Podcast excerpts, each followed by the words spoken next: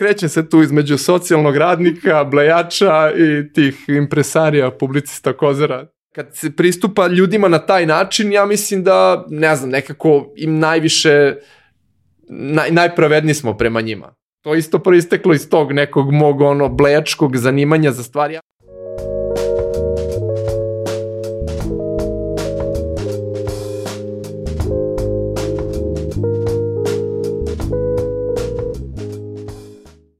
Zdravo, ja sam Aleksandra Petrovski. Vi pratite Fusnota podcast, samo za radoznale. Amiko Fusnote je Culki, globalni provider inovativnih usluga. Hvala im za ove vetar u leđa.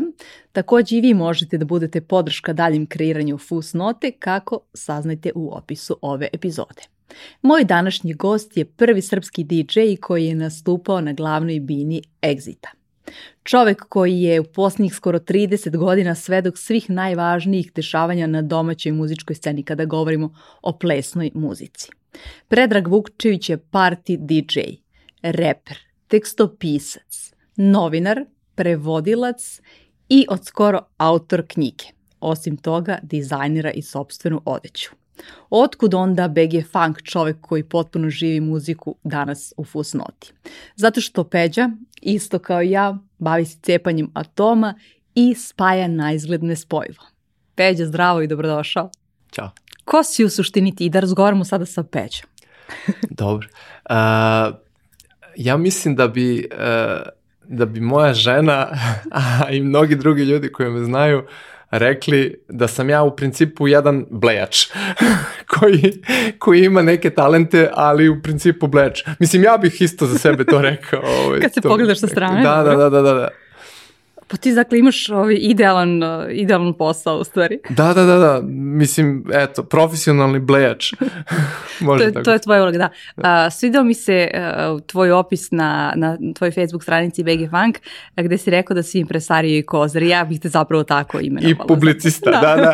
E, a to, to jeste zapravo ne, neki prevod tog blejača, jer to, je, e, to su neke, neka uslovno rečeno zanimanja koja su bila popularna 60-ih, 70-ih godina, pa i delom 80-ih za masovih ljudi koje nazivaju boemima, oni koji su padali po kafanama i to, i koji nisu ništa konkretno radili, ali su po tim kafanama blejeli s novinarima, glumcima, ovima, onima i tako, ono, nekome prodavali ovu priču, nekome onu, uh, družili se, uh, omogućavali ljudima da, da ono ispolje sebe na neki bolji način, šta god, on, na, na, ali, možda, ali ima dobru ono, misiju, hoć, možemo da, da, da, da, da, da, da, e, Radi bukval, za više dobro. To, da. to, to, to. I, i u, u, u tom smislu uh, nekako bih možda rekao, pored ovog što imam taj moment uh, individualnog isticanja koji je potekao iz repa i, i ceo, taj, ceo taj trip uh, opet blečkog neradništva, uh, mislim da, da, da sam u to nekom smislu socijalni radnik. Da. Kao da, da mi je hobi da sam socijalni radnik. To, to bi se moja žena složila s tim jer ona u fazonu uh, da umem da budem smarač, pošto su socijalni radnici, znaš, ono, po društvenim državnim firmama, bili ono ljudi koji ble tako i pričaju, dolaze ljudi koji njih da pričaju s njima, a uh, moja žena je u fazonu da sam ja često smarač i da prikupljam smarače, da često imam ljude s kojima pričam dugo ni o čemu. Tako da imam, krećem se tu između socijalnog radnika, blejača i tih impresarija, publicista kozara, E, a hajde da rešimo, znaš, pošto ovaj, tvoja, tvoja ovaj, supruga Ljubica, moja drugarica, da. ovaj, rekla, ja stvarno imam problem da objasnim šta je Peđa, ovaj, pa da, da rešimo to sad evo javno. pa evo, to, ovo, ovo sve što smo naveli plus, ovaj, ali da, ako pričamo o multipotencijalizmu, ovo je taj neki moj potencijal, ono, bleč, eh, eh, tu ok, blagonaklon prema ljudima i spreman da, da im omogući da, da zasijaju i e, imam, mislim, rep je takav, u repu pričaš o sebi, pričaš o sebi kakav jesi u datom trenutku ili kakav želiš da budeš, ono u nekom idealnom smislu. I imam ja sad posljednja pesma praktično koja je izašla, to je posljednji single, posljednji spot koji se zove Plivam, uh, u kome kažem uh, kučka sam klasična za mir i dobar vibe, volim kad pomire se ljudi i svako svakom baci like. volim da zaravim duboko, ali pličak mi je drag. Uh, ja, ja sam, mislim, imam, volim da, da je ljudima dobro oko mene, a opet uh, to se, to proizilazi iz tog DJ, ono, party DJ momenta, znači da pravim žurku za ljude koji su tu, koji su oko mene, i s druge strane da raščistim neke pojmove kojima se svi koristimo, uh, znači uh, trudim se da radim za ljude koji su oko mene, a opet s neke strane verovatno je to na neki način i neki camp moment da ja se trudim opet da pričam o sebi samo i da toliko istaknem to individualno. Mm -hmm. Zapravo da je to nešto način na koji, na koji bežim ili barem izbalansiram to kao posvećenost drugima. Mm -hmm. um, kada sam te, hajde da počnemo od onog što je najnovije. Da. E, kada smo se dogovarali, a mi smo o ovom podcastu pričali još pre nego što on iza, iz svetlost da, dana. Da. Ovaj, I uh, ovaj, dogovor, rekao si mi dobro doći ću da budem tvoj gost, ali tek kada mi izađe knjiga. Da. Malo smo duže čekali, ali je vredelo je. A, tu, je, tu je sada ovaj, knjiga i ona je nekako, a, pa možemo da kažemo, rekapitulacija dosta toga i, ovaj, i ima tog momenta bez obzira a, što ima a, taj a, dobar rep, to je ono kao pričamo o sebi, da, da, da. Um, ali a, to, to bukvalno može da bude a, e, jedna ono istorijska knjiga na neki način. Pa, ja sam se trudio da tu uh, uklopim uh, ličnu priču, znači to moje loženje, tu strast za, za tu muziku i kulturu iz koje je proistekla generalno, znači ne samo za rap, nego i za funk i za uh, čitavu afroameričku kulturu koja je proizvela to.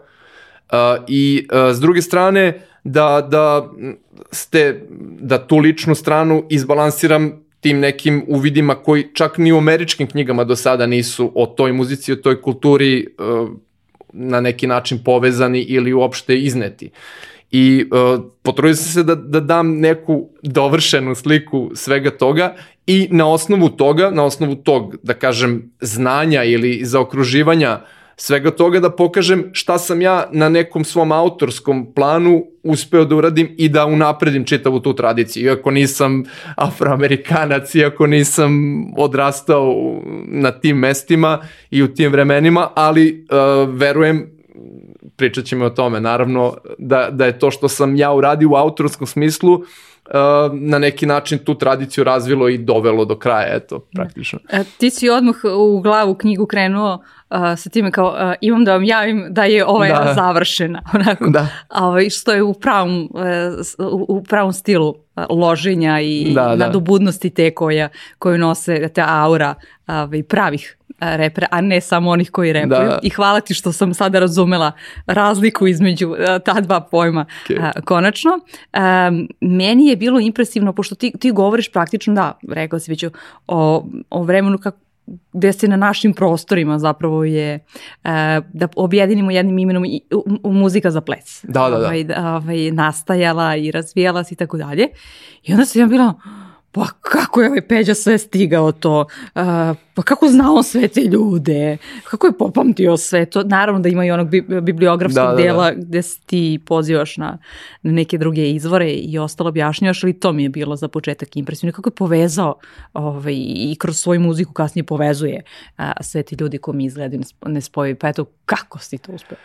Pa u principu sve to na neke dve, tri linije povezano, mislim na, na liniji tog funka, pre svega uh, funka kao neke muzičke tradicije, uh, muzičke tradicije iz koje je proistekao i rap i cela hip-hop kultura i uh, s druge strane uh, neke vrste, da kažem, ideologije ili pogleda na svet uh, koje najviše definisana kroz radove George Clintona na Parliament Funkadelic e, izdanjima, ali generalno taj, taj mislim, čitava ta kultura koja se razvijala oko funka i, i, i čitav milje iz koga je proistekao funk, to je taj uh, ulični milje 60-ih, 70-ih godina, afroamerički, ti inner city, ta ugrožena urbana jezgra, eto kako bismo preveli kod nas.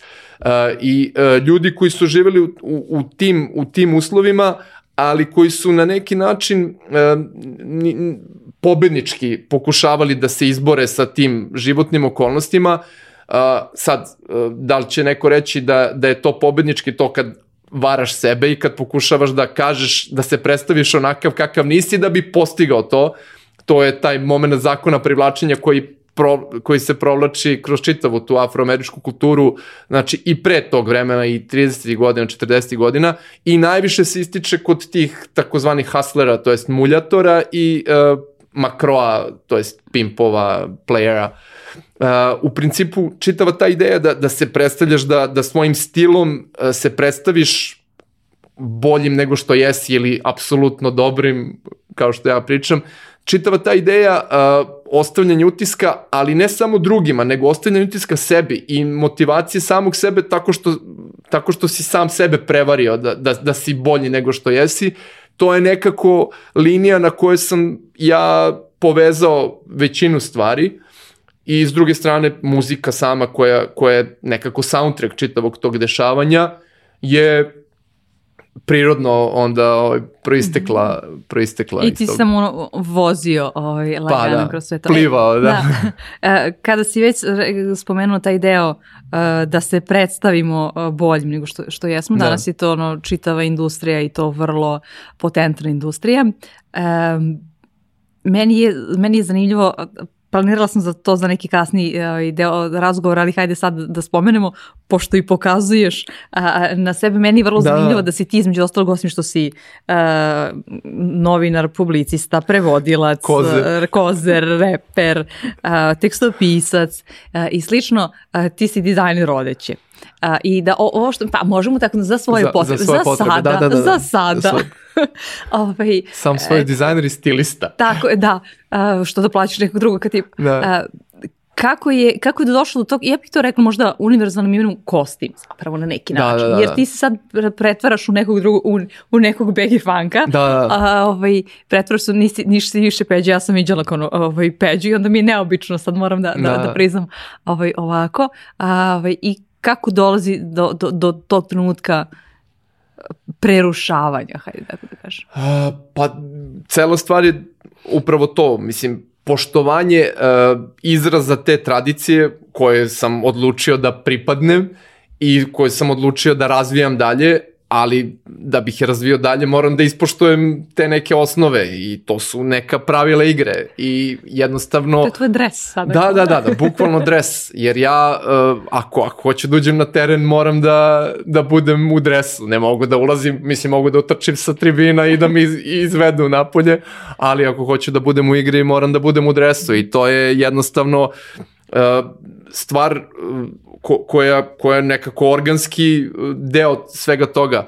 Uh, zapravo ta fasada, kako bi nazvali ovaj, ti likovi iz 60 70 godina, front mm -hmm. na, na engleskom, uh, to je u stvari bitna stvar kojom ti na neki način, tu ulazi odeća i nakit i uh, mislim automobili, sve ono što, što ti ljudi koji su bili muljatori po tim afroameričkim getovima su koristili da bi se predstavili. Uh, znači, ta, ta fasada uh, treba da ti, da ti omogući da motivišeš sebe, kao što sam rekao, a s druge strane i da se predstaviš drugima kao neko ko Odmah stvore neku sliku o tebi. Da, da, da, kao već, mislim, to, to, nije, to nije čudna stvar, to nije ništa strano ni našim uh, muljatorima, eto, Boban Petrović, na primjer, koga smo pro, pomenuli razgovoru pre, pre emisije, on je čovek koji je 80. godina, koji isto bio DJ, koji je na neki način začetnik tog BG funka o, ko, o kojem pričamo. Uh, on je u London otišao negde krajem 80. godina i tamo je postao mešetar na berzi i zaradio milione, kupio uh, klub u, u, u, u Marbelji, futbalski klub, pravio razna ludila tamo i on je, uh, kad je došao u London, shvatio da mora da kupi od prvih para koje je uh, zaradio neke transakcije, da kupi Rolls Royce-a i da kupi prvi mobilni telefon koji se tad pojavio preko Vodafone kompanije mm i naravno odela koje je kupovao kod Šanera u Beogradu, ali Armani odela, da bi tamo mogao da, da sklapa ugovore. Mislim, to je na nekom našem, da kažem, nivou evropskom, isti taj moment da, da ali se tada, ti predstaviš. Da, ali to imamo sada, zato sam te baš pitala ovo, zašto napravo može da se prenese na mnoge sada da, da, da, da, da. okolnosti kojima mi svedočimo između ostalog i na da. društvene mreže koje Naravno. imaju nekakvu fasadu. Ne, ja, ja, sam, ja sam stava da, da su društvene mreže potpuno rep u tom smislu, jer ljudi, mislim, svi ti filteri, sve, sve to što, se, što ljudi rade da, da, da svoju sliku unaprede i citate koji stavljaju da, da, bi, da bi se predstavili kao obrazovani, kao učeni. Meni je, meni je sve, čitavo to fejkovanje, e, zapravo ja, ja to podržavam. Mislim, nemam ništa protiv toga, ajde, ne moram da podržavam, ali nemam ništa stvarno protiv toga. Jer, Razumeš. Jer, da, razumem, jer taj, taj fake it ili make it moment je stvarno nekako, po mom mišljenju, nije, nije, nema ništa loše u tome. Jednostavno, mislim da, da svi ljudi, čak i naučnici i, ne znam, umetnici veliki, su u nekom trenutku morali sami sebe da prevare i da kažu, e, moguće je da, da ja dokažem ovu teoremu ili da e, napravim neko umetničko delo koje nikad, nikad nije napravio. Ja, ja, ja to mogu, eto, bukvalno na tom nivou. Jer da ti ne možeš sebi da predstaviš mogućnost da, da nešto uradiš, ne bi nikad to ni uspeo da uradiš. Znači, mislim da, da postoji taj korak da ostvariš nešto da moraš sebe na neki način da hakuješ, ono, da bi... Opravdao si Da. to, ok. Opravdao si. Um, osim što ti si naprosto čovek, čovek muzika, ako bih ja bih te tako pisala, e, kada smo se, za, možemo da kažemo, zaista pripremali za ovaj razgovor, to je bilo pre nekoliko dana kad si mi ti do, doneo, doturio e, Da. knjigu da je binđujem sada pre, e, pre razgovora. Izvini, ti si prva osoba koju sam doneo knjigu. polaskana A, sam. Znači, dobio sam dva primjerka u štampari i jedna od ta dva primjerka je tvoje. čuvat ću, zapisat ćemo pozadi broj Da, da, samo da, da, da, da. bude. Ne, a, bilo mi je a, presmešno pošto sve se dešava a, ovaj, na parkingu Da, ispred da, da. Moje, moje zgrade koja je nekih otprilike dva kilometra od mesta gde ti živiš, osim što, ovaj, što su prolazili ljudi i ovaj, kao, ha, ovaj, javljaju ti se, ja sam bila kao, okej, ova uličica sad prolaze, nije toliko prometna, sad Da, da, dolaze. da, da. Ovaj, e, javljaju se peđi, a, ali a, to je bila prisutna i, i malo prepomenuta tvoja, tvoja žena Ljubica ona rekla, ja stvarno ne znam kako sve to njemu padne na pamet i kako sve on to povezuje. A ti si samo ovako, pa muzika. Presmešna nam je bila ta scena i Da, ne- da, da, da, da, da. morala sam da ispričam. Pa mislim, u principu, kroz tu muziku sam upoznao stvarno većinu ljudi koje pominjem i u knjizi, a i u životu generalno sam upoznao preko muzike ili preko žurki koje su opet vezane za muziku na kraju krajeva. Tako da u principu, šta znam, mislim, ta muzika stvarno jeste glavna, glavna neka nit koja se provlači kroz moj život, rad, blejanje. E, ali ima, ima još jedan trenutak i uh, bez obzira što je tebi ostalo još tri uh, ispita da, da dobiješ diplomu filozofskog, Da. odnosno baš uh, filozofskog fakulteta, uh, nekako se tačno vidi da imaš i takvu vrstu ovaj, pozadin, tako pristupaš nekako uh, u, u želji da, da objasniš suštinu i u tome se možda i tvoj rada i, i, i ova knjiga razlikuju nekako, zato što na taj način ovaj, vidimo i doprinos i, i pristup muzici. Zapravo, evo, već sam citirao samog sebe, to jest pesmu uh, Volim da zarunim duboko, ali pličak mi je drag. Pošto jednostavno nekako uh, ima... Uh, to, to ima i dobre i loše strane, ta, ta, ta moja sklonost, uh, kao što sam rekao, moja žena je u fazonu sam smarač često kad krenem da tako ono razlažem neke stvari, a jednostavno uh, ja, ja se družim sa dosta ljudi koje znam preko žurke, preko muzike i koji su u fazonu i što, je meni skroz ok i ja često pokušavam kod sebe da na neki način eliminišem taj racionalni moment argumentacije, objašnjavanja, jer muzika i ceo taj fazon je pre svega nagonski, nema veze sa, sa, sa razumom. Ali, a, s druge strane, a, često, često te stvari, ta muzika i sve što ona nosi sa sobom i stavovi koji se iskazuju preko nja, koja je muzika sa rečima i bilo šta, a, često te stvari a, nekako, ja imam utisak da ne, ne, nisu prepoznate u punoj vrednosti svoje, bez tog nekog dodatnog objašnjenja, bez te neke priče, ne, ne govorim samo, ne govorim o svojoj muzici čak, nego govorim generalno o ljudima koji raznim i reperima i, i šire od toga. I e, meni je uvek bila ideja da ako mogu, a mogu, znam, mislim imam taj neki pojmovni aparat, e, način na koji e, pristupam pojavama, e, kako mogu da ih obrazložim, da, da iz, izvučem, da nekako predstavim njihovu vrednost, ako to znam, što ne bih to uradio? Jer imam utisak da, da nekako uvek nedostaje kao, e super, kao sad se svi zezamo, ne znam, gotiva nam je, gotivne su nam Moskrijeve rime, na primer, ali ja vidim da tu ima gomila nekih stvari i vrednih priča koje su ispričane i koje će ostati na nivou toga da su njegove rime stvarno na tom prvom na prvi plan gotivne i zezanje i ovo i ono, ali opet postoji taj čitav nivo koji, o kome se ne priča i zašto ja ne bih rekao o tome i uh, dao tim rimama da kažem ne, neku do, dodatnu neku dodatno dimenziju, prepoznavanje, pa da. da dimenziju, vrednost uh, jednostavno to je nekako moja ideja uvijek bila i sad ja znam da mnoge ljude to nekad smara što, što ja idem toliko duboko, a opet ima dosta ljudi koje, koje znam iz te neke, da kažem, ozbiljne ili akademske sferi to, kojima sam ja možda neozbiljan zato što se vezujem za te stvari koje su pličak.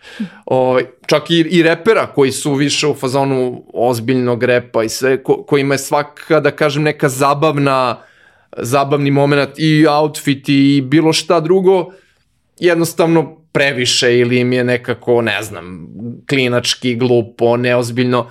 I ja nekako gledam da, da sam na svim, svim svojim iskustvima i svim svojim saznanjima uh, postavio sebe na, to, na tu neku liniju koja je Spaja između, da, sveta, da, koja treba da spoji ta dva sveta ili ne, ne treba ili ne mora, ali eto, meni je to neka ideja postojanja u tom, u toj sferi muzike i, i tekstova.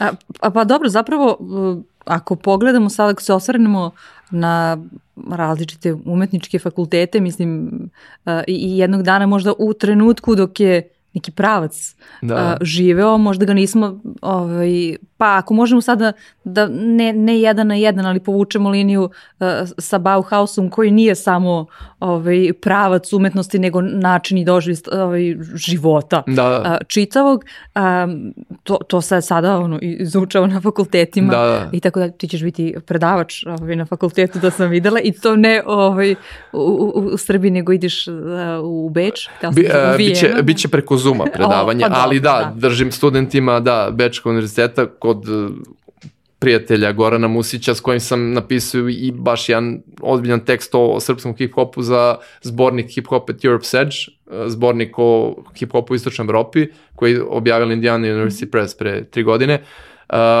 kod njega ću, baš u okviru njegovog seminara ću držati predavanje o soul to funk power, mm. znači prelaz sa soula na, na funk uh, zapravo tih 60-ih, 70-ih godina i uh, to je, eto, to isto proisteklo iz tog nekog mog ono blejačkog zanimanja za stvari. Ja sam tu eto independent researcher, -hmm. o, ali zapravo stvari eto iz samog ono uživljavanja u, u određenu materiju i nekog pojmovnog obrađivanja svega toga i iz, izvođenja nekih zaključaka koji se verovatno nisu toliko pojavljivali, a opet imam argumentaciju za ovaj ili za onaj zaključak i to je ono što je kao bitno u tom nekom akademskom svetu.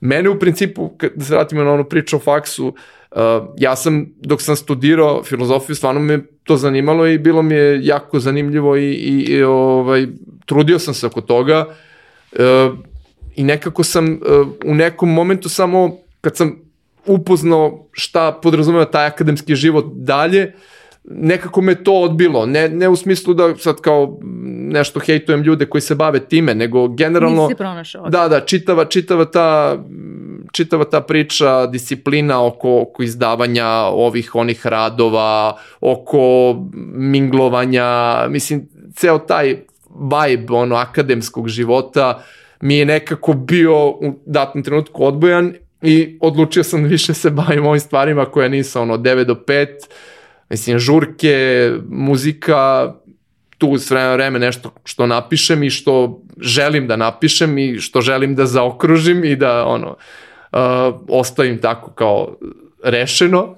Ovaj, ali eto, kao kad se pojavi ovakva situacija da me neko koga znam i s kim sam dobar i ko zna da ja mogu tu da, da uskočim i da ispričam to da, da bude zanimljivo nekome, ja sam u fazonu kao ajde da uradimo to.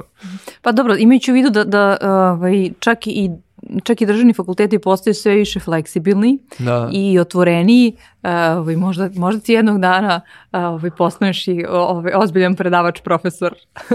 Pa ne znam, mislim... Jel imaš mo... takve ovi na kraju dana ambicije? Pa nemam, ne, mi, stvarno imam poštovanje za ljude koji se bave time i mislim da je prvo potrebno mnogo, mnogo discipline za, za taj posao i kao i za sve ostale na kraju krajeva, ali neke discipline koje, koje meni možda nedostaje na, na duže staze. Možda bih mogao da se bavim nečim, nekim tako sporadičnim predavanjem i to, ali da držim čitav kurs ili da, ne znam, držim više generacije i to, to mi je baš, evo, moja žena prva, mislim, ona je krenula na FDU da radi i stvarno vidim preko njenog pripremanja za, za pojedinačne uh, pojedinačne predavanja, ona, njeno, pre, njeno kurs traje jedan semestar, već na osnovu toga vidim sebe u toj situaciji bi u fazonu ne, ne, ne. Ajde da, da, se, da se vratimo na ovaj pličak sada.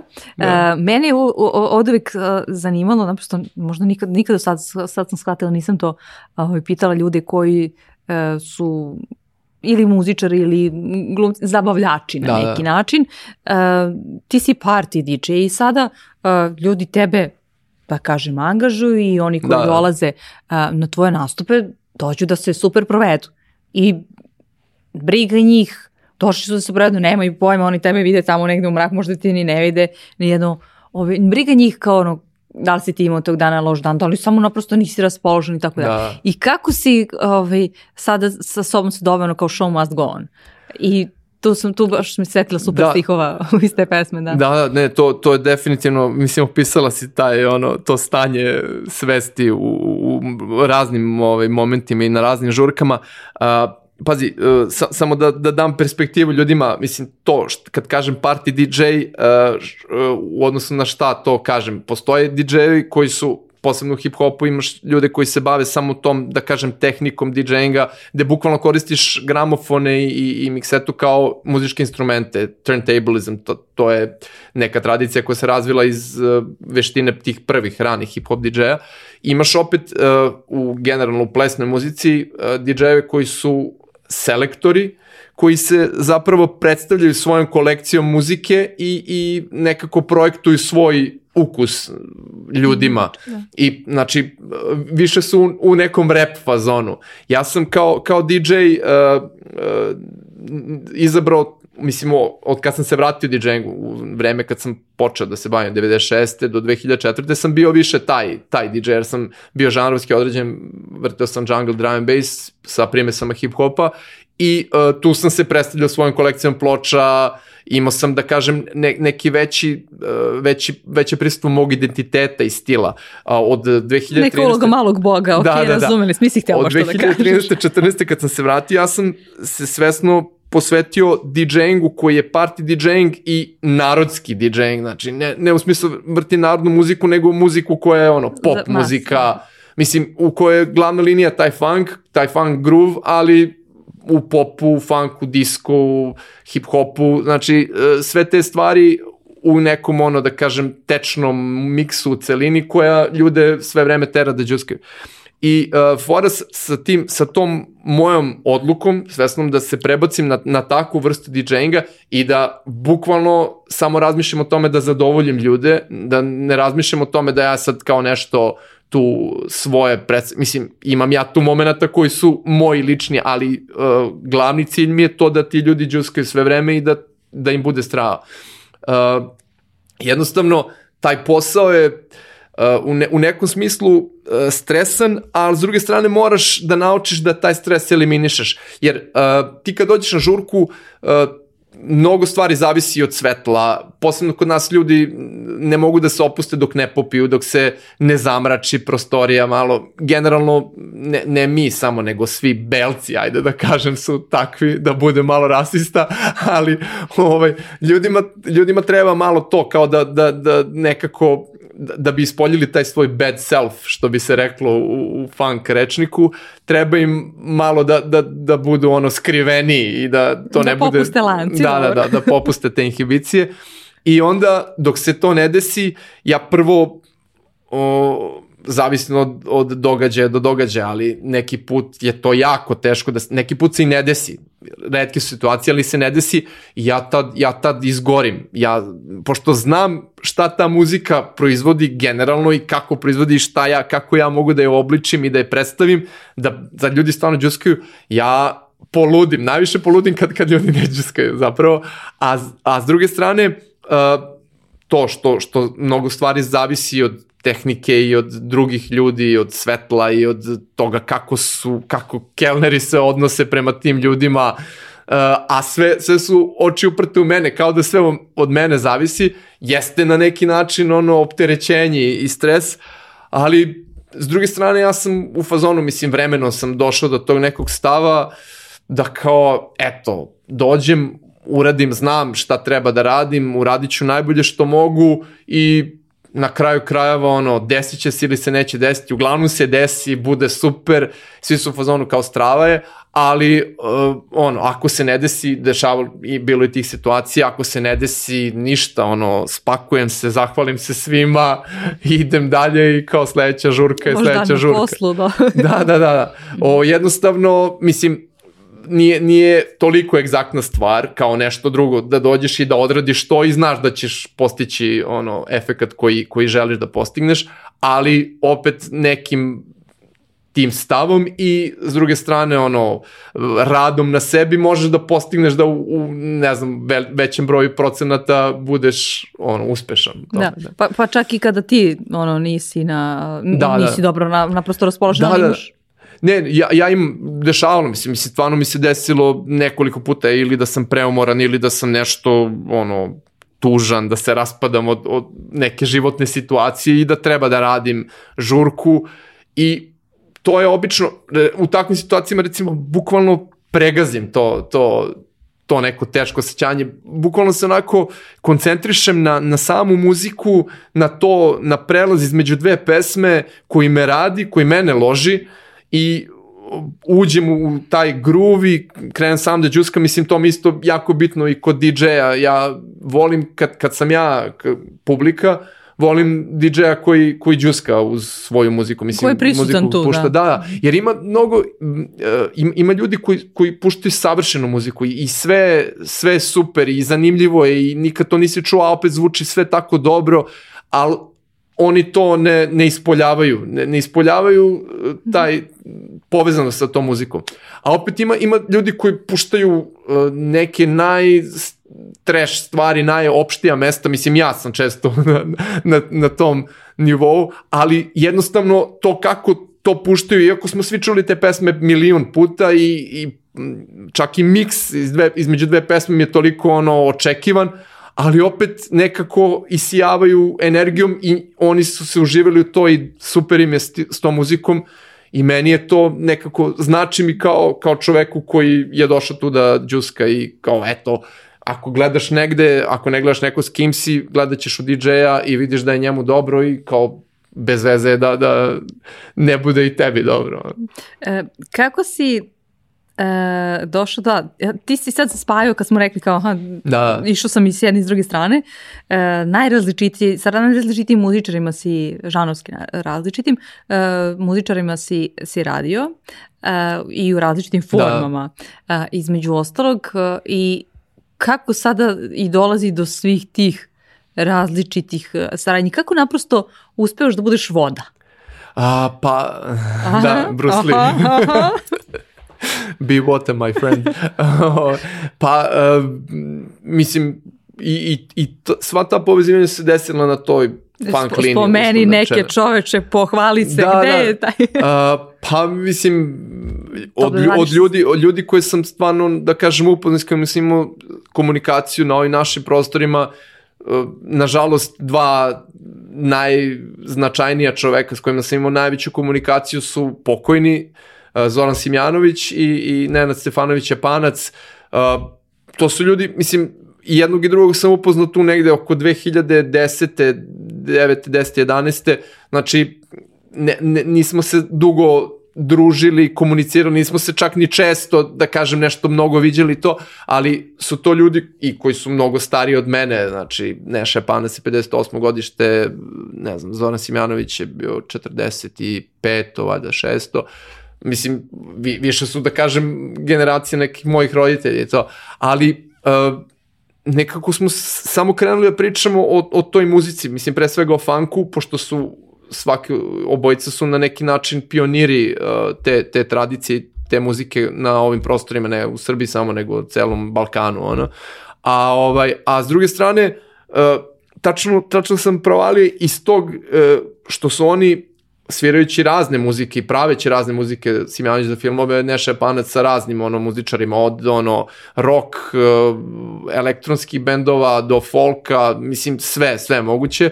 Uh, taj neki funk i taj neki odnos i stav prema, prema životu je nekako proisticao iz njih, uh, iako oni to nisu, nisu se bavili time kao što se ja bavim Rekla time, da kao da, e, James Brown je ovo uradio, ovo je uradio ono, ne znam, ovi crnci su ovo radili. Oni su jednostavno doživjeli tu muziku, svirali su u nekom momentu više, u nekom manje, ali su nekako, čini mi se, iz te muzike izvukli tu, tu, taj neki pogled na svet, mm -hmm. eto da kažem.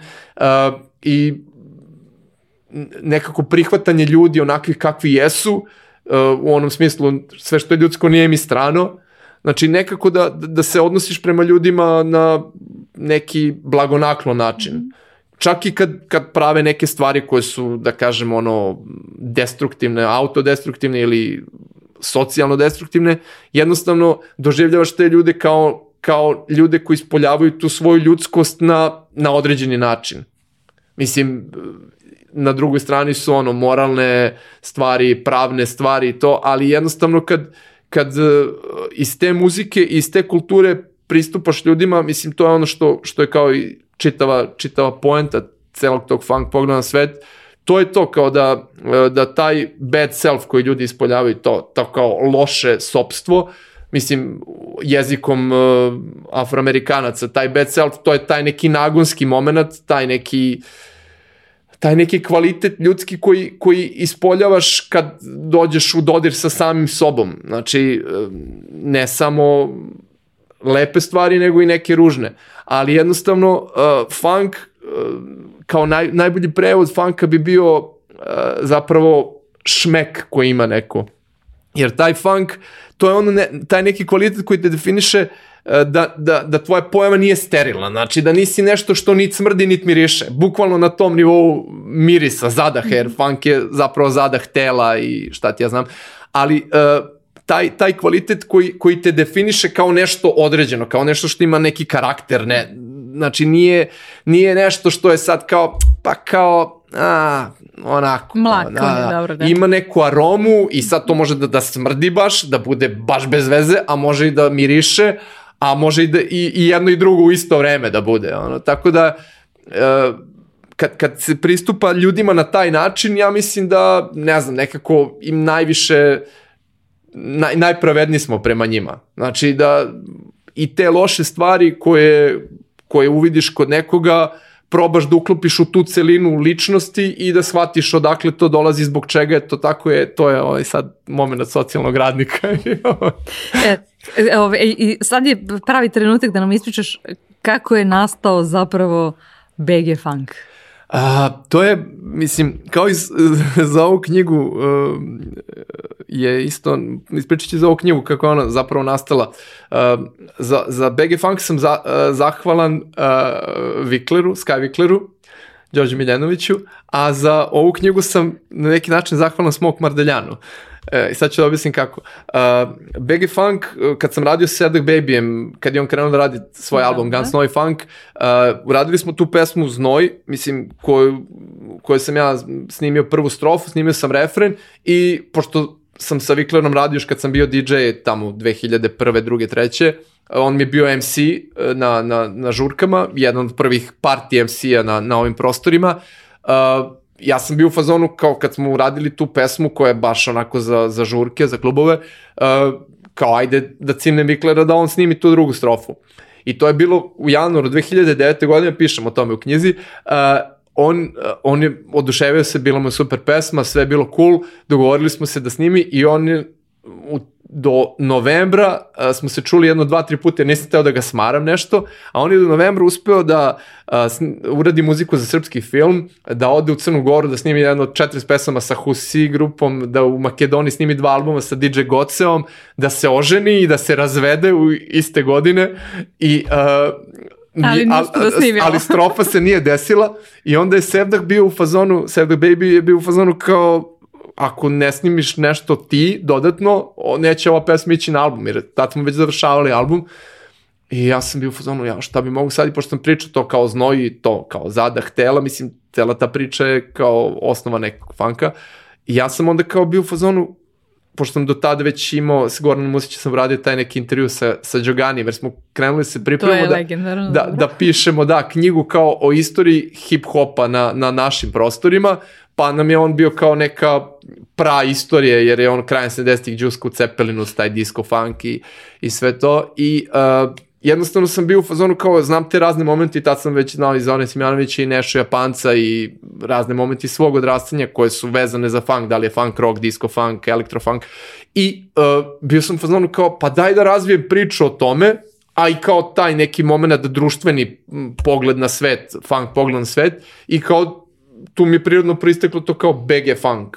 I jednostavno, zahvaljujući Viklerovom odsustvu sam koncipirao to i onda sam samo nastavio posle, posle te pesme da se bavim time i da iskopavam razne ono stvari koje su se dešavale u Beogradu i vezane su za funk. Da li funk što se tiče kao ličnog ono predstavljanja i ispoljavanja ličnosti ili uh, funk koji se tiče muzike same.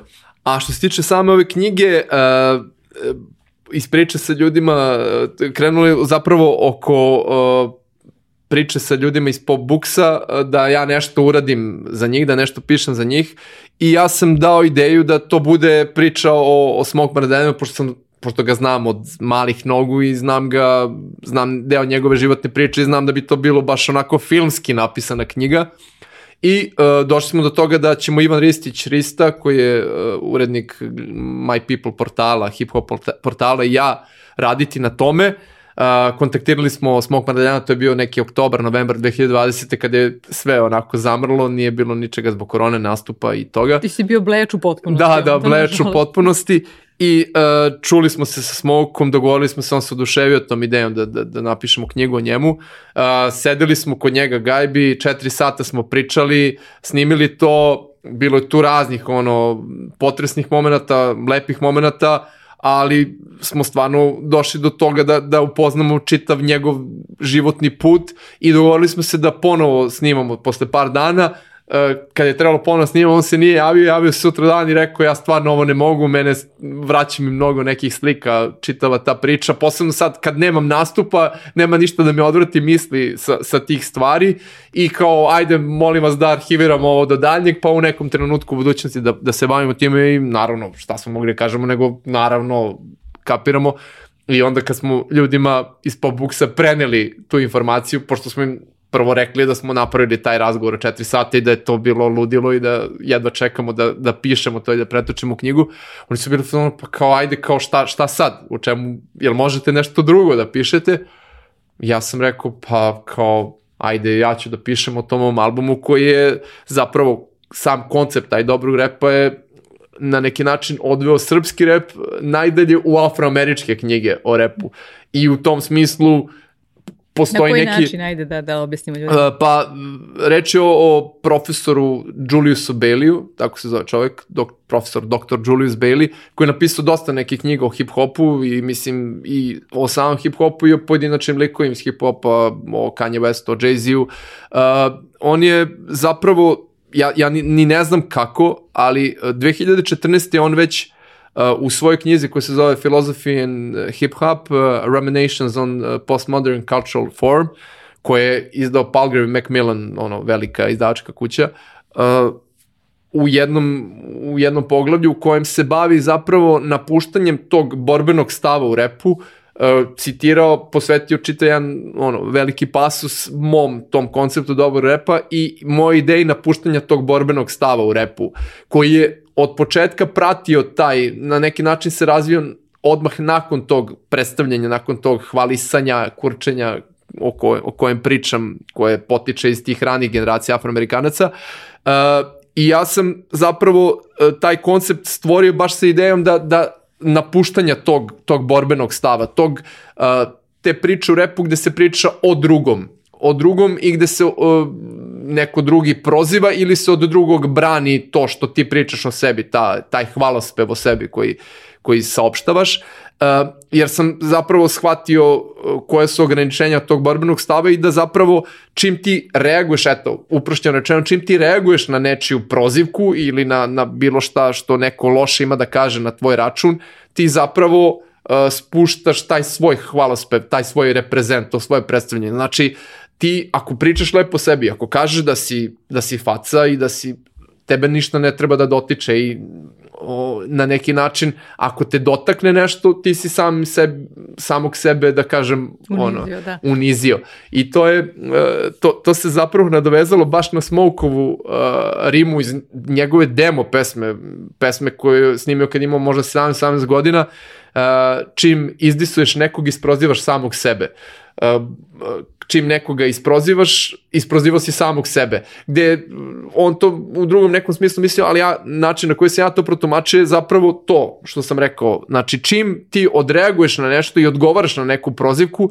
ti zapravo pričaš loše o sebi. Da, ali danas Jer... recimo imamo uh, ovaj e, možda i hiperprodukciju tako nečega, odnosno iskorišćavanje tako nečega u svrhu e, popularnosti, pa čak i te dogovorene ovaj, ne, ne, ne, to naravno, pa to, to jeste jedan element i repa odavno, mislim ti namešteni, nameštena kačenja između repera, gde oni samim tim uh, hajpom, dizanjem ono prašine oko, oko tog sukoba. Jer onda aktiviraš svoje ono, da, patioce, da, da. fanove. Da, da, i, i fanove, mislim, mi Mercedes ima recimo tu generalnu liniju, hejteri su novi fanovi, što je neka misla koja je izgovorena na, na različite načine, ali u principu ljudi koji te hejtuju, kao što znaš iz priča o brendovima i svega, ljudi koji te hejtuju zapravo imaju... Poklanju ti neku emociju da, i dalje. Poklanju da. ti emociju, da, energy flows where the attention goes i te fore. Uh, znači, jednostavno imaju jaku emociju u vezi sa, sa brendom ona je negativna, ali je jaka emocija i na neki način ističe taj, taj brand e,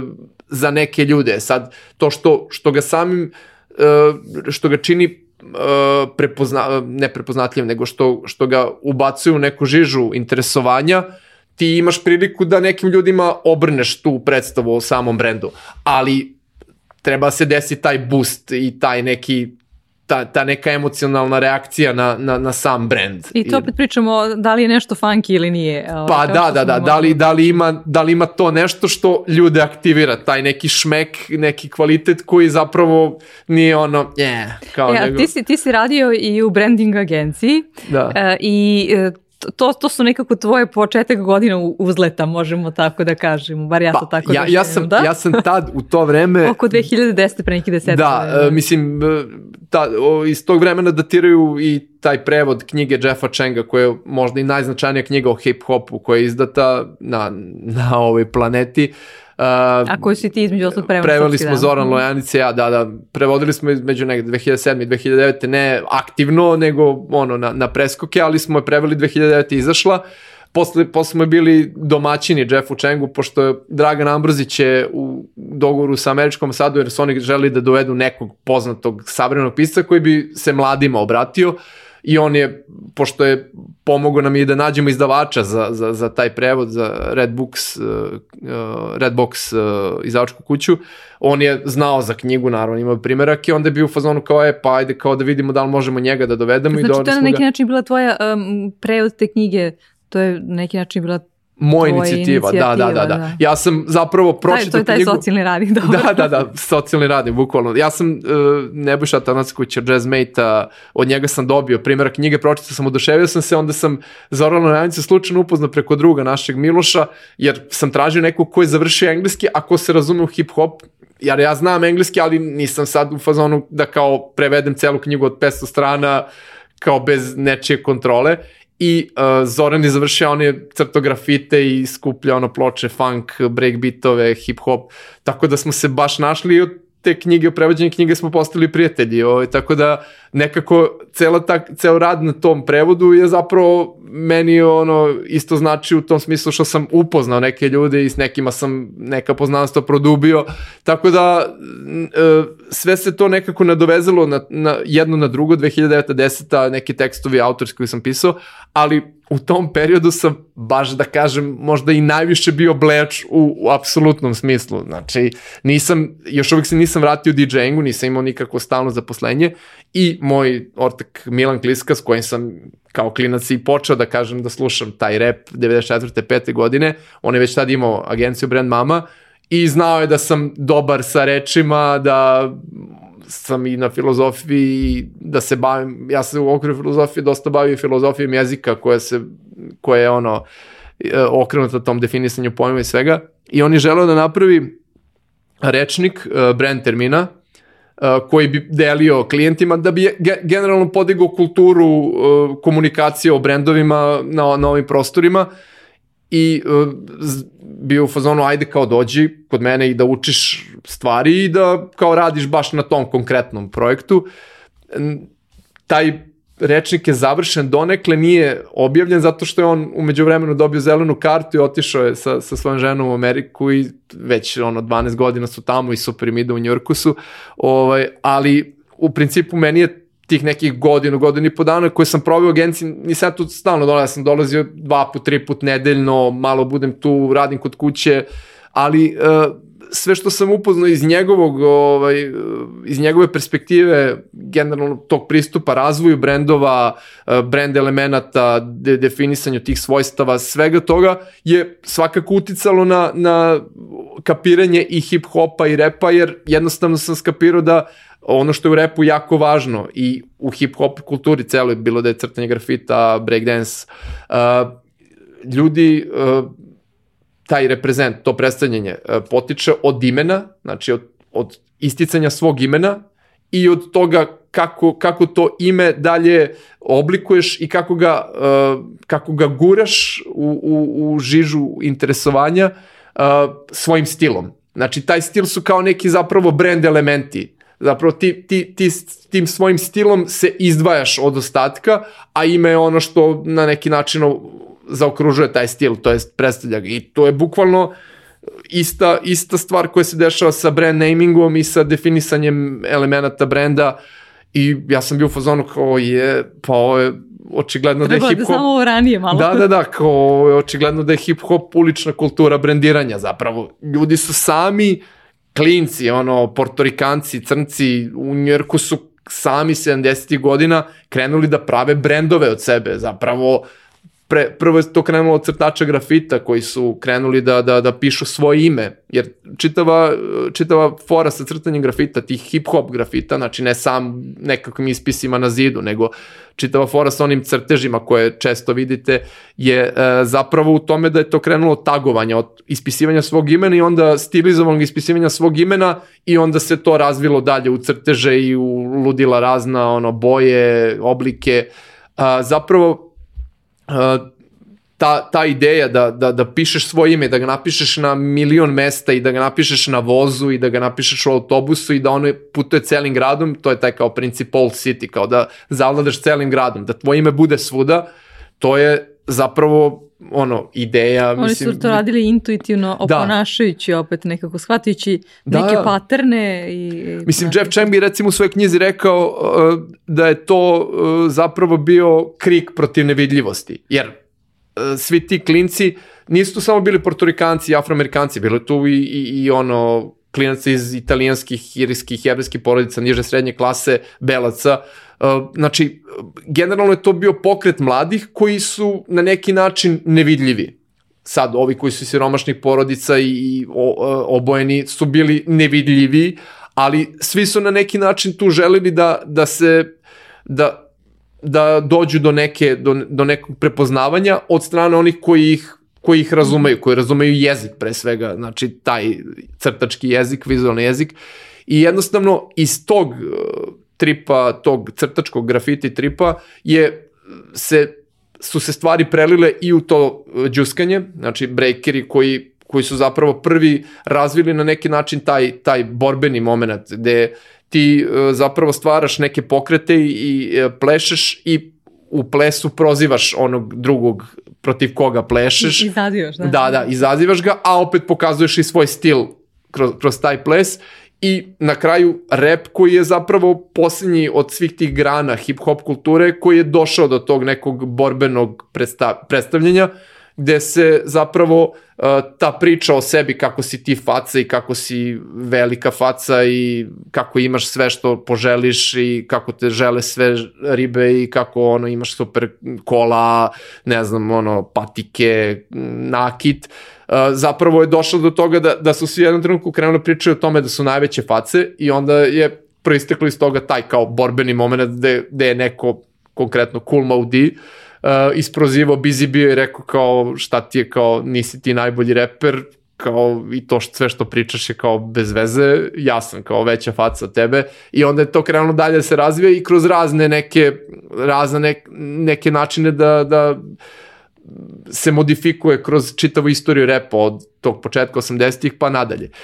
Tako da, ne, ne znam, meni je to nekako sve, e, čitava to upoznavanje tog brand, priča o brendovima i projektovanje toga na hip hop mi je bilo nekako, wow, ovo mi je stvarno otvorilo, otvorilo nov, novu dimenziju.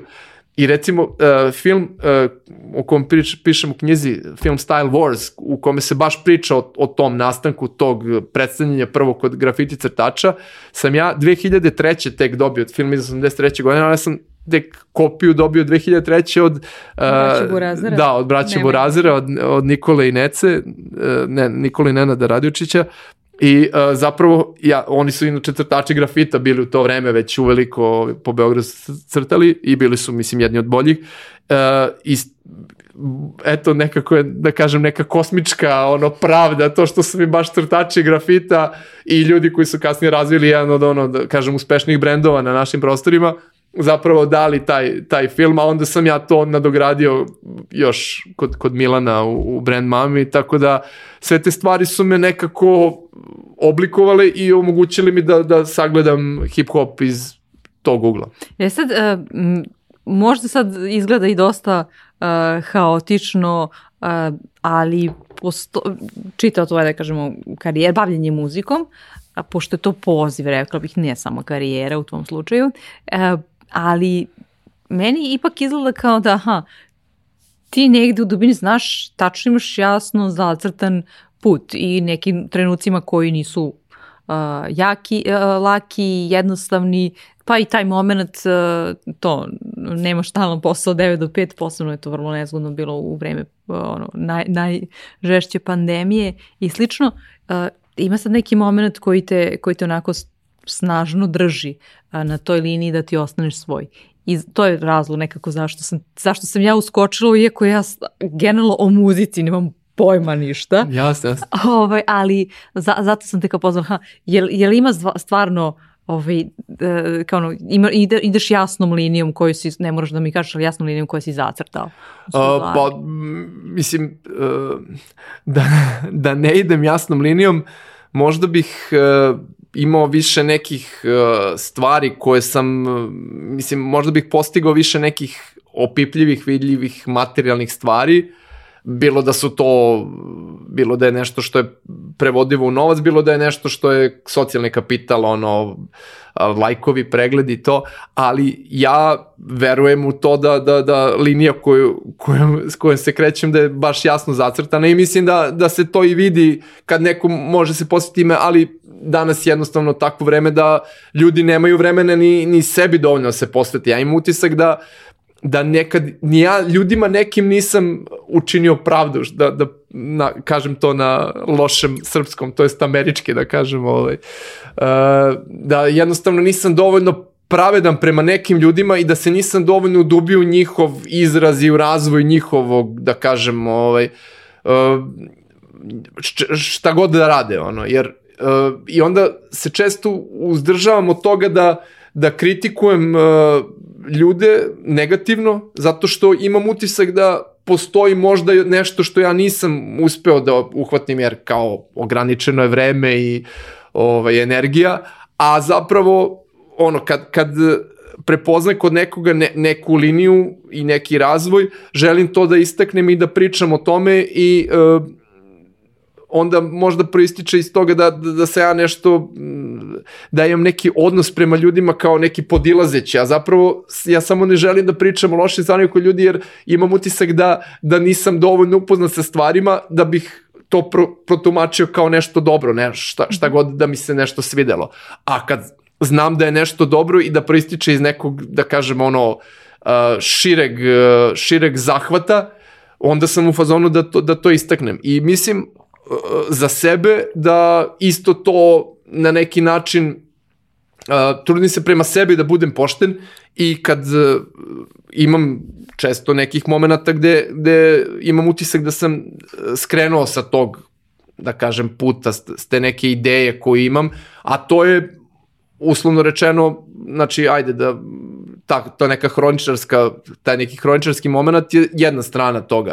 I to da da održim to što sam sam. Na neki način stvorio taj BG funk i tu ideju tradicije funka u Beogradu, ali s druge strane e, ta neka ideja e, hip hop i funk kulture čitave, znači to da, da držiš do sebe, da se istakneš i da prepoznaš to isticanje kod drugih ljudi, da ih, da ih prihvatiš i onda kada lažu sebe, ali kad lažu sebe na taj način da predstavljaju sebe sam, samima sebi na ono bolji način, da želim da to na neki način odnegujem i da zapravo budem tu uvek kad se to, to nešto dešava i da koliko god mogu pomognem uh, da se to, ne znam, ono, razvije u nešto lepo. Da, a ovaj, bio si, nismo stigli to da spomenemo, ali nekako e, bio si tu kada su naj, mnogo različitih projekata kada je bilo a, u, u povoju i između ostalog da je neki od važnih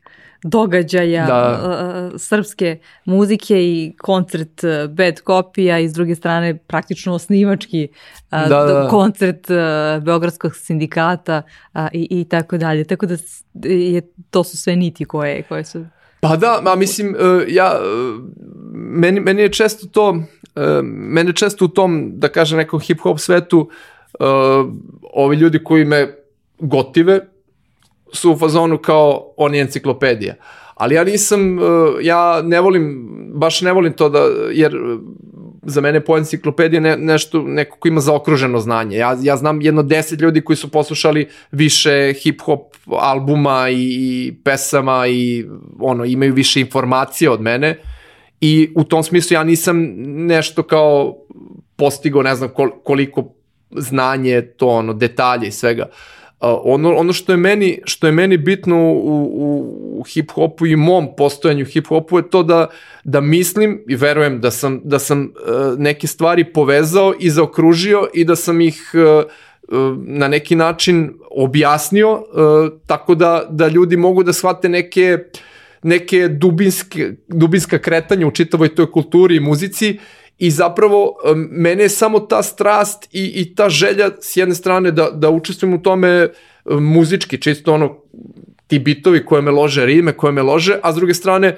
to, taj pokušaj da objasnim nešto, doveo do toga da budem u, ovoj, u, u ovom momentu ovde, da budem, ne znam, na skrcu sada, da budem u KST-u u ovom trenutku, da budem u industriji tada, jednostavno, mislim, mislim da je sve proisteklo iz te strasti i neke želje da, da, da saznam, da vidim, da čujem, da džuskam, jednostavno je ono, nije bilo nikakvih, da kažem, tu planova. Ja sad mogu retrospektivno to da kažem, e, kao, bio sam na tom mestu i bio sam na ovom mestu i to, ali nije to bio, nije nikada to bio Ciljeno. plan, da, da, nikad nije bilo ovaj, planirano da ja budem na tom mestu. Ima dosta mesta i na kojima nisam bio i vremena, događaja na kojima nisam bio, koji su isto jako bitni, tako da sam u fazonu, ono, meni, meni je samo važno da, da, da znam da sam iz ovoga što sam doživeo i što sam čuo, pročitao, video, odplesao, da uh, znam da sam iz toga izvukao maksimum, ono, bilo da je to ono neko moje lično iskustvo i satisfakcija, bilo da je s druge strane to nešto što, što, što mi je omogućilo da pojmovno na neki način neke stvari zaokružim i da iznesem neku njihovu vrednost koju, koja možda nije toliko vidljiva na, prv, na prvi pogled. E, I hvala ti na tome i za novoj ubrzanoj a, filozofskoj lekciji o repu, mada i mnogo a, šire. Za kraj imam tri a, š, leksikon pitanja. Ovaj, okay. iz, iz, zone, zone možemo da kažemo pličaka, mada nisu. Pličaka volim da, da čujem kako, kako ljudi razmišljaju. A, prvo je, a, koga, koga bi voleo da odvedeš, a ne mora da bude naš savremenik, a, da izvedeš na, na doručak. Dakle, neko iz tvoje porodice ili familije a, i ne mora da budu zajedno, a, neko od ličnosti iz javnog života. Uh, pa, šta znam, mislim, meni je, ima, prvo da odmah kažem, ima mnogo, mnogo, mnogo ljudi koje stvarno cenim, mislim, mnogo njih je pomenuto i u ovoj knjizi, i ljudi koje poznajem i ljudi koje samo znam po čuvenju. Dobro, ne moraš da se pravdaš, da. neće ti niko zameriti. Ali nekako, ne znam, uh, uvek me vraća to na, imao sam ja svesku jednu u kojoj sam pisao svoje DJ nastupe, gde sam nastupao, kada, koji datum i to. I tu sam uh, uh, na, na, na, početku te, na, na početku te sveske, mislim imam i dalje kod kuće negde, Uh, to je stih, prve faze ili druge faze? Prve faze, da, 96. još. I uh, u, na početku te sveske imam stih uh, grupe Dispossible Hero, Heroes of Hypocrisy, koju nisam ni nešto slušao mnogo, ali jednostavno taj stih mi je, ne znam da sam ga zakačio, ja sam ga napisao tu kao neku ideju, uh, the bass, the treble don't make a rebel, having your life together does. Znači ono kao to što je muzika i to, mislim sve super, ali kao uh, ako svoj život nekako organizuješ i osmisliš i taj da ako ti je taj život kakav treba, to je to. Mislim, to je sve što, što treba da se desi. Tako da u tom smislu ja, mislim, ja mnogo volim da upoznam ljude i, i ne, voleo bi da pričam s nekim ljudima s kojima nisam imao priliku da pričam, ali u principu, ne znam, uvijek bi na doručak odveo porodicu svoju, tako da to mi je nekako onako, ono, mislim, ja, ja i sad se trudim, pored svih žurki i svega i oko knjige i oko svega, da, da uvek ono to nekako sklopim da, da, da se desi u nekom što kraćem vremenu da bih se više, ovaj, više bio sa, sa ženom i sa sinom. Tako da... Ovaj, I da te pohvalim da posle ovog razgovora rekao si mi, e, hoćemo završiti za tada, da, ja moram da idem, ovaj, pošto si ti o, onaj super tate koji svaki put a ni, nisam super, ne, ali stvarno nije, nije mislim... Šalim se, htjela sam ja da te ne, pohvalim, nije ovo. Da, ne, ne, ne, a, mislim, nego, nego ja imam, imam neki, da kažem, nemam pojma, kritički odnos prema tom kao mislim da, mislim da se i to, to roditeljstvo često ističe u tom nekom smislu, ovom smislu društvenih mreža, znaš, kao da se ljudi predstave kao kako su super roditelji. Mislim, što, što ne, uopšte ne... Ne, ne, da nisu. Ne, ne, kažem, da, ne kažem da nisu i ne kažem da ne treba da rade. Kao što sam rekao, ono, svako treba da, da, da priča o sebi ono što, što želi da čuje o sebi. Ali uh, samo imam u, u odnosu na samog sebe neki taj, da kažem, malo ono zadršku, jer sam u fazonu ono, ne, ne želim uopšte sebe da predstavljam, da se ne bih malo ulenjio kao nekog, samom sebi ne želim da predstavljam sebe kao super roditelj ili super uh, ono, bračnog partnera, jer mislim da nekako uvek tu ima da, da, da se radi i više i da se, da se baviš time na neki ono ozbiljni način. A, a s druge strane, uh, kad smo pričali o ovim pitanjima, uh, znam, znam da je bila neka, da, si me pomenula, da imaš i ono pitanje kao o, o ideji, nekoj misli koja je, koja je glavna, koja ti je ne, na neki način I ja bih sad tu istakao jednu misao koja mi je ta moja pesma Mediterani svila koju sam objavio sad skoro početkom godine sa, sa beatmakerom Skubijem, a zapravo koja je nastala pre dve godine, baš negde početkom korone, kad smo bili zaključani, to, to mi je nekako ideal zapravo životni u ovom trenutku, jer uh, Mediteran sa svim svojim, ono, s celom svojom simbolikom kao spoj istoka i zapada i kao nekako kolevka civilizacije i civilizacija i uh, taj, taj neki životni stil ono Mediterana, a s druge strane svila kao nekako što se mene tiče ono savršen materijal, ne, nešto u čemu se osjećam prijatno.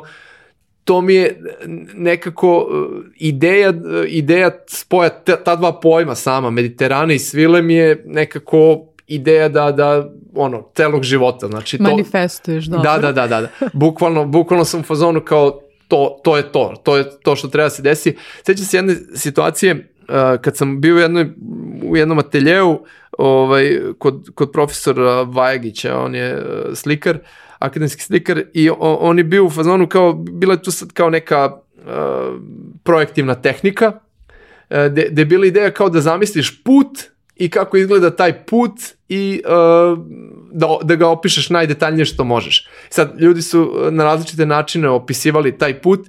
Ja sam zamislio uh, put koji, de, de je onako noć okolo, a da je put uh, svetao, kao onako ono neonski, onaj, 80-ih, ono, ne, neka ideja, neka utopija se, iz 80-ih onako kao put koji je ono u bojama nekim roze, zelenim, uh, žutim i uh, pored puta na svakih ono stotinak metara one kao male kapelice što imaš u Grčkoj, ono, mm -hmm. pored, pored puta gde imaš kao sveću i ikonu, ali uh, ne, ne stoje ikone, nego stoje uh, ovi orientalni kolači, tipa tulumbe, baklave i to.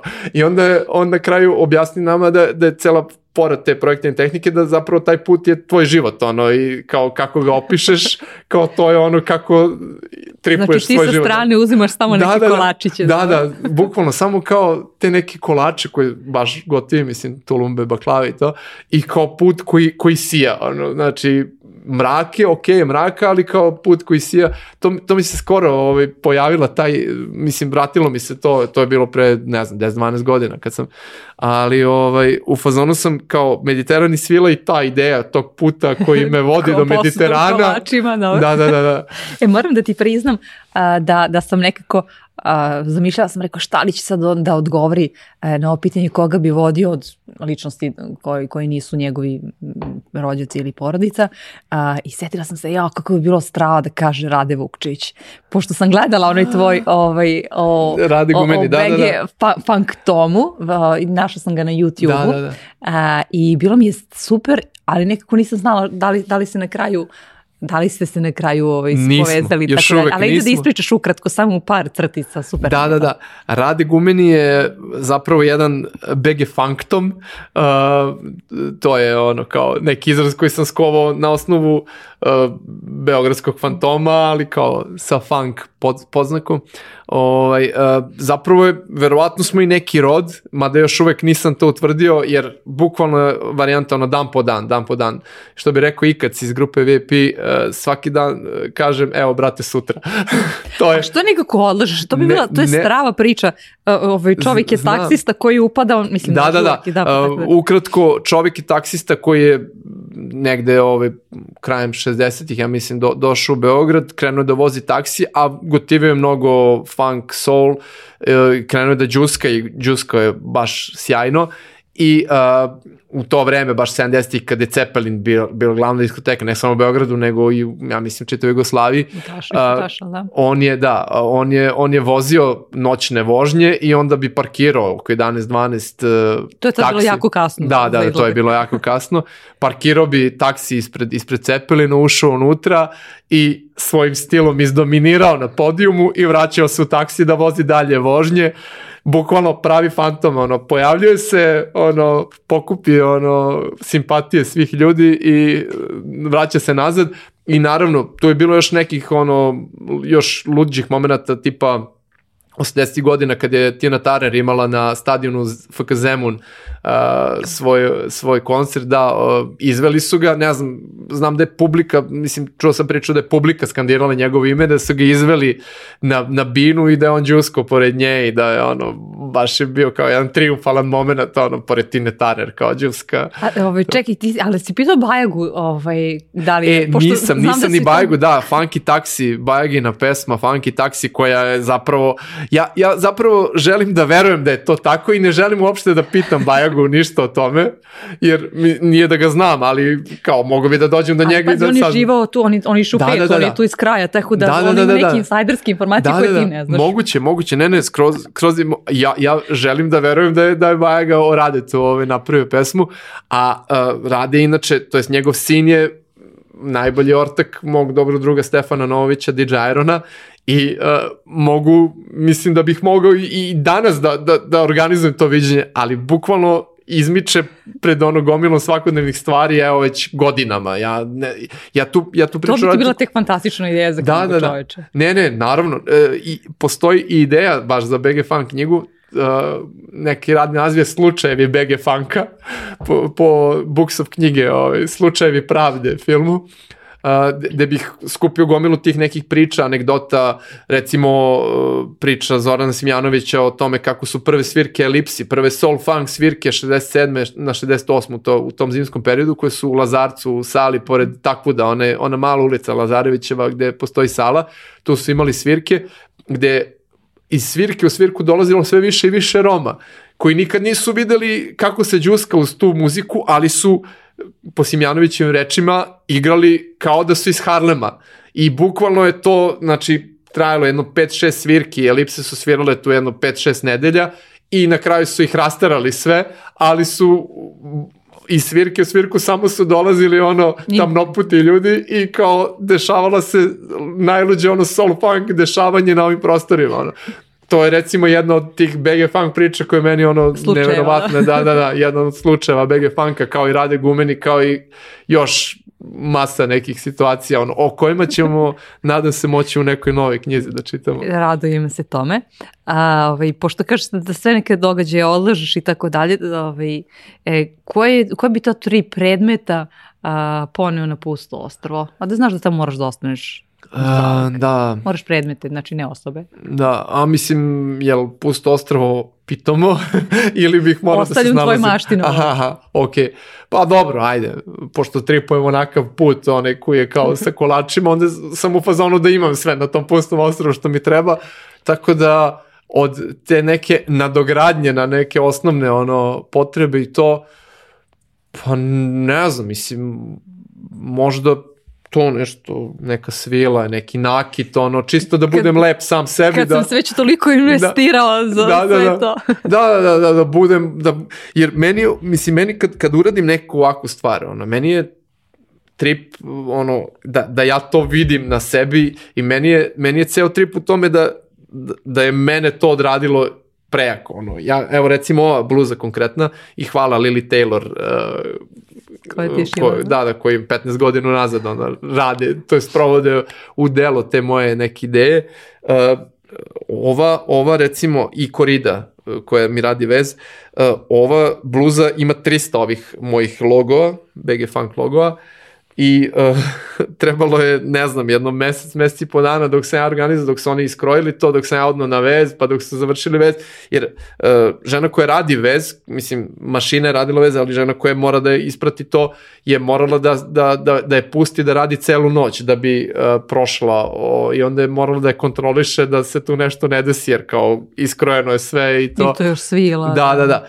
I ja, ja kad, sam, kad sam dobio ovaj komad garderobe, mislim, nekako sam bio u fazonu kao, ne znam, ja ne znam da li ovo da stavim na, na, na zid ili da, da nosim. Da kao dres. Da, da, da, da, da. Jer, jer uh, postoji taj među klincima, ono, poslednjih poslednj desete godine, taj hype beast moment, to da se brendovi, luksuzni ili aspirativni brendovi, ono, kupuju duksevi, patike, ovako, onako, oliko skupe i to. I meni je, ja, ja sam recimo to, kad sam bio klinac, ja sam to propustio, taj, taj moment. Ja, ja sam bio klinac u vreme kad su bili ono, Air Maxovi, kapa trenerke, ceo fazon, 93. četvrta, druga, prva.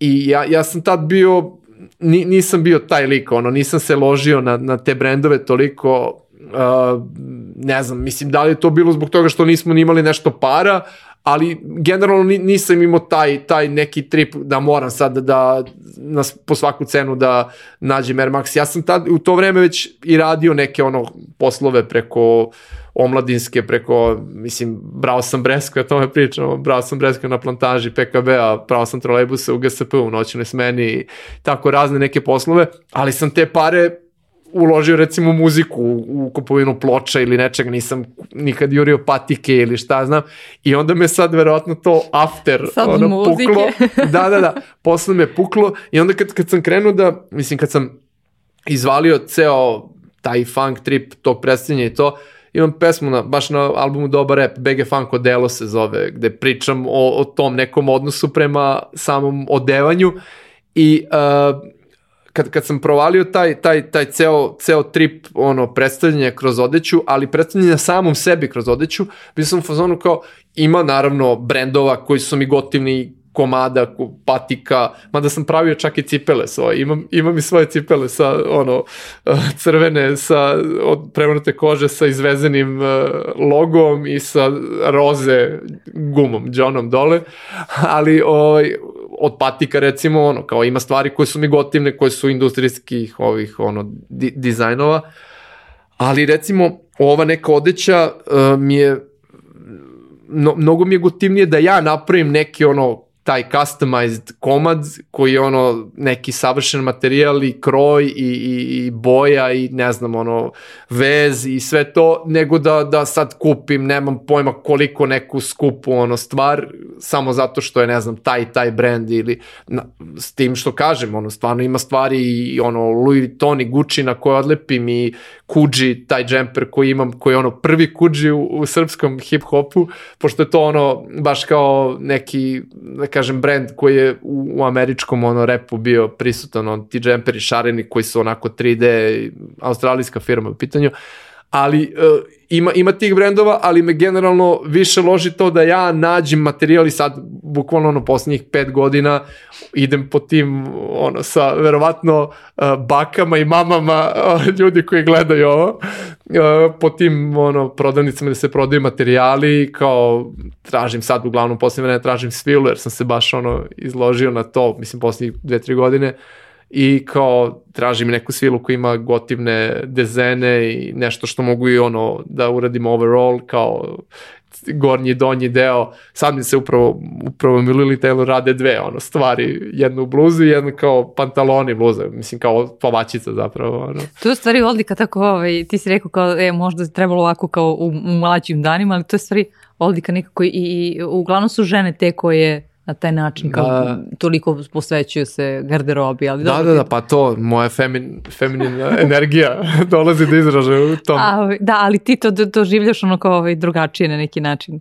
Ovaj, kako sebi pa, da, da. predstavljaš se, da. Ne, mislim, ceo taj trip koji prističe, kao što sam rekao, iz to je makro i muljatorske priče, zapravo ima, ima i taj, taj moment, mislim, uvek postoji ta neka linija tog nekog žensko-muškog ono odnosa i te energije ženske kod tih, kod tih ljudi koji su se tako na taj način predstavljali. Ma koliko bili ulica i ma koliko bili u kriminalnim aktivnostima i svemu, uh, postoji taj neki, da kažem, ono, balans između hormona, otko znamo. Ali uh, generalno, pored ove kreativnosti, uh, imamo i onu priču o, o knedlama, to je isto jedna stvar koja je ono, zanimljiva možda ovaj, uh, Ferdinand Knedle, uh, ljudi verovatno znaju za brand, i ja sam uh, u vreme kad je, kad je moj sin imao nekih 5-6 meseci, kad je moja žena Ljubica došla ono, do, do nekih informacija kao šta bi trebalo kad je krenuo da, da jede čvrstu Čvrst. hranu, uh, jedna stvar je bila batat, ovaj, slatki krompir, koji ni ona ni ja nismo jeli kad smo bili mali, mislim i nikad pre nego što smo Jugu pravili hranu, te kašice. I uh, probali smo, ona je pravila par puta, on je jeo i kao super, i onda me poslala jednom da kupim i nije bilo običnog onog žutog, naranđastog, i kao ljubičast je. Ja rekao kao dobro, kao to je isto, oni mi kažu u prodavnici isto je, i ja odnesem i ona skuva i bude ljubičaste boje pire. Ja kao, je ovo realno? I onda smo gledali na da Google, da, da, da, gledamo na Google kao, je to, da, kao, to je normalno, kao, možemo da damo detetu, probamo kao isti Juki ukus. Juki nije svetlo u mraku. Da, da, da, da, da. I, o, I onda sam ja, dan, dva posle toga, pošto knedle sa šljivama baš volim, bio u fazonu kao, jao, kao, pa knedle se, testo se pravi sa krompirom. I kao, zamisli kao da se ovo je, znaš, kao, verovatno je slična struktura, pa kao, kad bi se napravilo s krompirom, bilo bi ljubičasto i kao, zamisli se unutra stavi neko žuto punjenje, jer ne. ja nikad nisam inače dobro crtao, znači baš loše crtam, ali sam uvek spajao boje ti, i kompozicije, to, to ono, mogu dobro da, da sklopim. I bio sam ono kao ljubičasto žuto, kao baš bi bilo efektno i pošto je Marko Luis, čovjek s kojim sam ono sarađivo i uh, s njegovom grupom Marakuji, na njegovim solo albumima, pošto je on prijatelj ljudi koji su otvorili Ferdinand Knedle, ja sam ga kontaktirao, rekao daj mi kontakt da, da im pišem, mi smo uradili, moja tašta je došla, pošto je ona jedina ono, zna od, od naš uže familije da, da pravi knedle, napravila je, ja sam išao, to je neki novembar bio, ja sam našao samo uh, breskve u konzervi, nije bilo ni kajsija, ni bilo čega Da, ono, te boje. boje. Da, i onda smo napravili kao sa breskom, kao punjenje i bile su okej, okay, I ja, ja sam fotkao samo i poslao sam mojim ljudima Ferdinand Knelli, oni su bili fazonu, a strava, kao ajde, kao razmišljat ćemo o tome i to se bukvalno prolongiralo na jedno dve, dve godine, dve, dve i po godine, da bi na kraju oni napravili stvarno ono savršeno, savršeno punjenje koje te boje. Spotu čak, da. da, da, da, ali, ali su napravili, mislim, njihova ideja skroz bila mango i, i ovaj, kako se zove, što su još stavili, ja sam stao, stao mozak.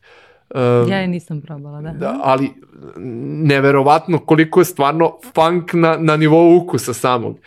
Ovaj, i, I postojala jedno 3, 4, 5 meseci, treba, ba, izašlo je baš tu, to, to vreme, jesen, 2020. kad je ono korona drmala i to, i postojala je par meseci, mislim da uh, onda se pojavio problem sa nabavkom ljubičastog batata, ne znam koliko je bila tražena, mislim, ljudi su mi pisali, ono, kačili su story i to. Da, su se zvala po da, da, da, da, da. I da, ja, moj, moj jedini, mislim, ja sam bio fazon, ja ne mogu patentiram, ali kao eto, ako budete objavili ikada, da bilo bi mi kola se zove BG Funk ne, onda su bili u fazonu, može, kao super, i na kraju se desila knedla i postojale to, ne znam da će se vraćati u, sad, mislim, oni su I to je bilo odlagano zato što su oni sve planirali da, da prošire svoj biznis i sad su konačno evo, otvorili u Novom Sadu i u Zagrebu i ono, širit će se, postoji taj recept, tako da možda će se ponovo pojaviti. Tako da ćeš ono. i po tome ući ovaj, u, u, u istoriju da. domaće muzike, ali i, i šire ovaj, kada budu pravili ture po Beogradu. Da, da. Ovaj, e, posljednje pitanje i da, da zaokružimo ovu priču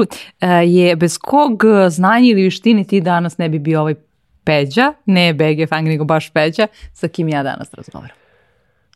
Pa ja mislim da je to da, da, da su to reči, da je to najviše vezano za reči i za pojmove. Znači, u principu, mislim, ja sam još kao klinac ono imao, da kažem, neku ono sklonost ka pisanju to, kad se pišu sastavi, ono, pismeni i tako to, bi, ok sam to, to radio, mada se nisam nikad, nikome nije usmeravao u to, e, bio sam onako kao klinac malo hiperaktivan i više sam to ispoljavao u sportu, bavio sam se i basketom i futbolom, ne, ne bavio u smislu trenera, nego sam stalno bio ono, na polju i igrao basket, futbol, dobro sam igrao i futbol i basket u tom uzrastu, posle sam trenirao vaterpolo i to je bilo na 4-5 godina, ali uh, u principu kad, kad god nisam mogao da izađem napolje, a, a, a ovaj, nisam mogao da tu energiju nekako ono suzbijem, pokojna mama bi bilo u fazonu lezi čitaj, lezi čitaj. To je bila rečenica njena, lezi čitaj. I onda se ja pročito, a stvarno smo imali kod kuće baš mnogo knjiga, mnogo sam knjiga pročito i nekako sam, ne znam, da li preko toga razvio tu neku taj neki odnos prema, prema i pisane reči, ali generalno prema jeziku, prema rečima uopšte i uh, kapiram da, da me to, znači ajde sad, očigledno je kod repa i kod pisanja tekstova, ovoga, onoga, ali generalno i kod života, kod, kod doživljavanja stvari, ja u principu sebi stvari prevodim u pojmove i u neku ono mrežu odnose pojmova koji, koji se pojavljuju i onda me na neki način to na, na pomoću tih pojmova vozim kroz, kroz razne stvari, ono. Tako da mi je u principu, ja mislim to nek, neka ono stvar bez koje ne bih bio ovde gde sam. I hvala ti što si danas bio ovde sa mnom i hvala ti na ovom razgovoru. Uh, vi koji ste ispratili do kraja, pišite nam u komentarima šta vam je to bilo najzanimljivije uh, iz peđene priče, možda i neki recept za neke nove knedle. Da, da, da, da.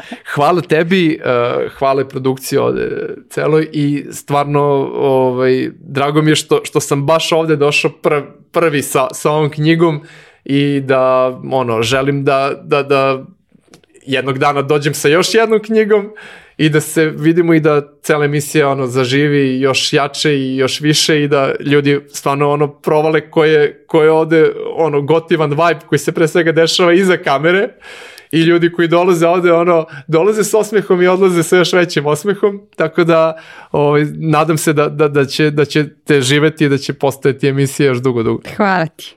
Ćao.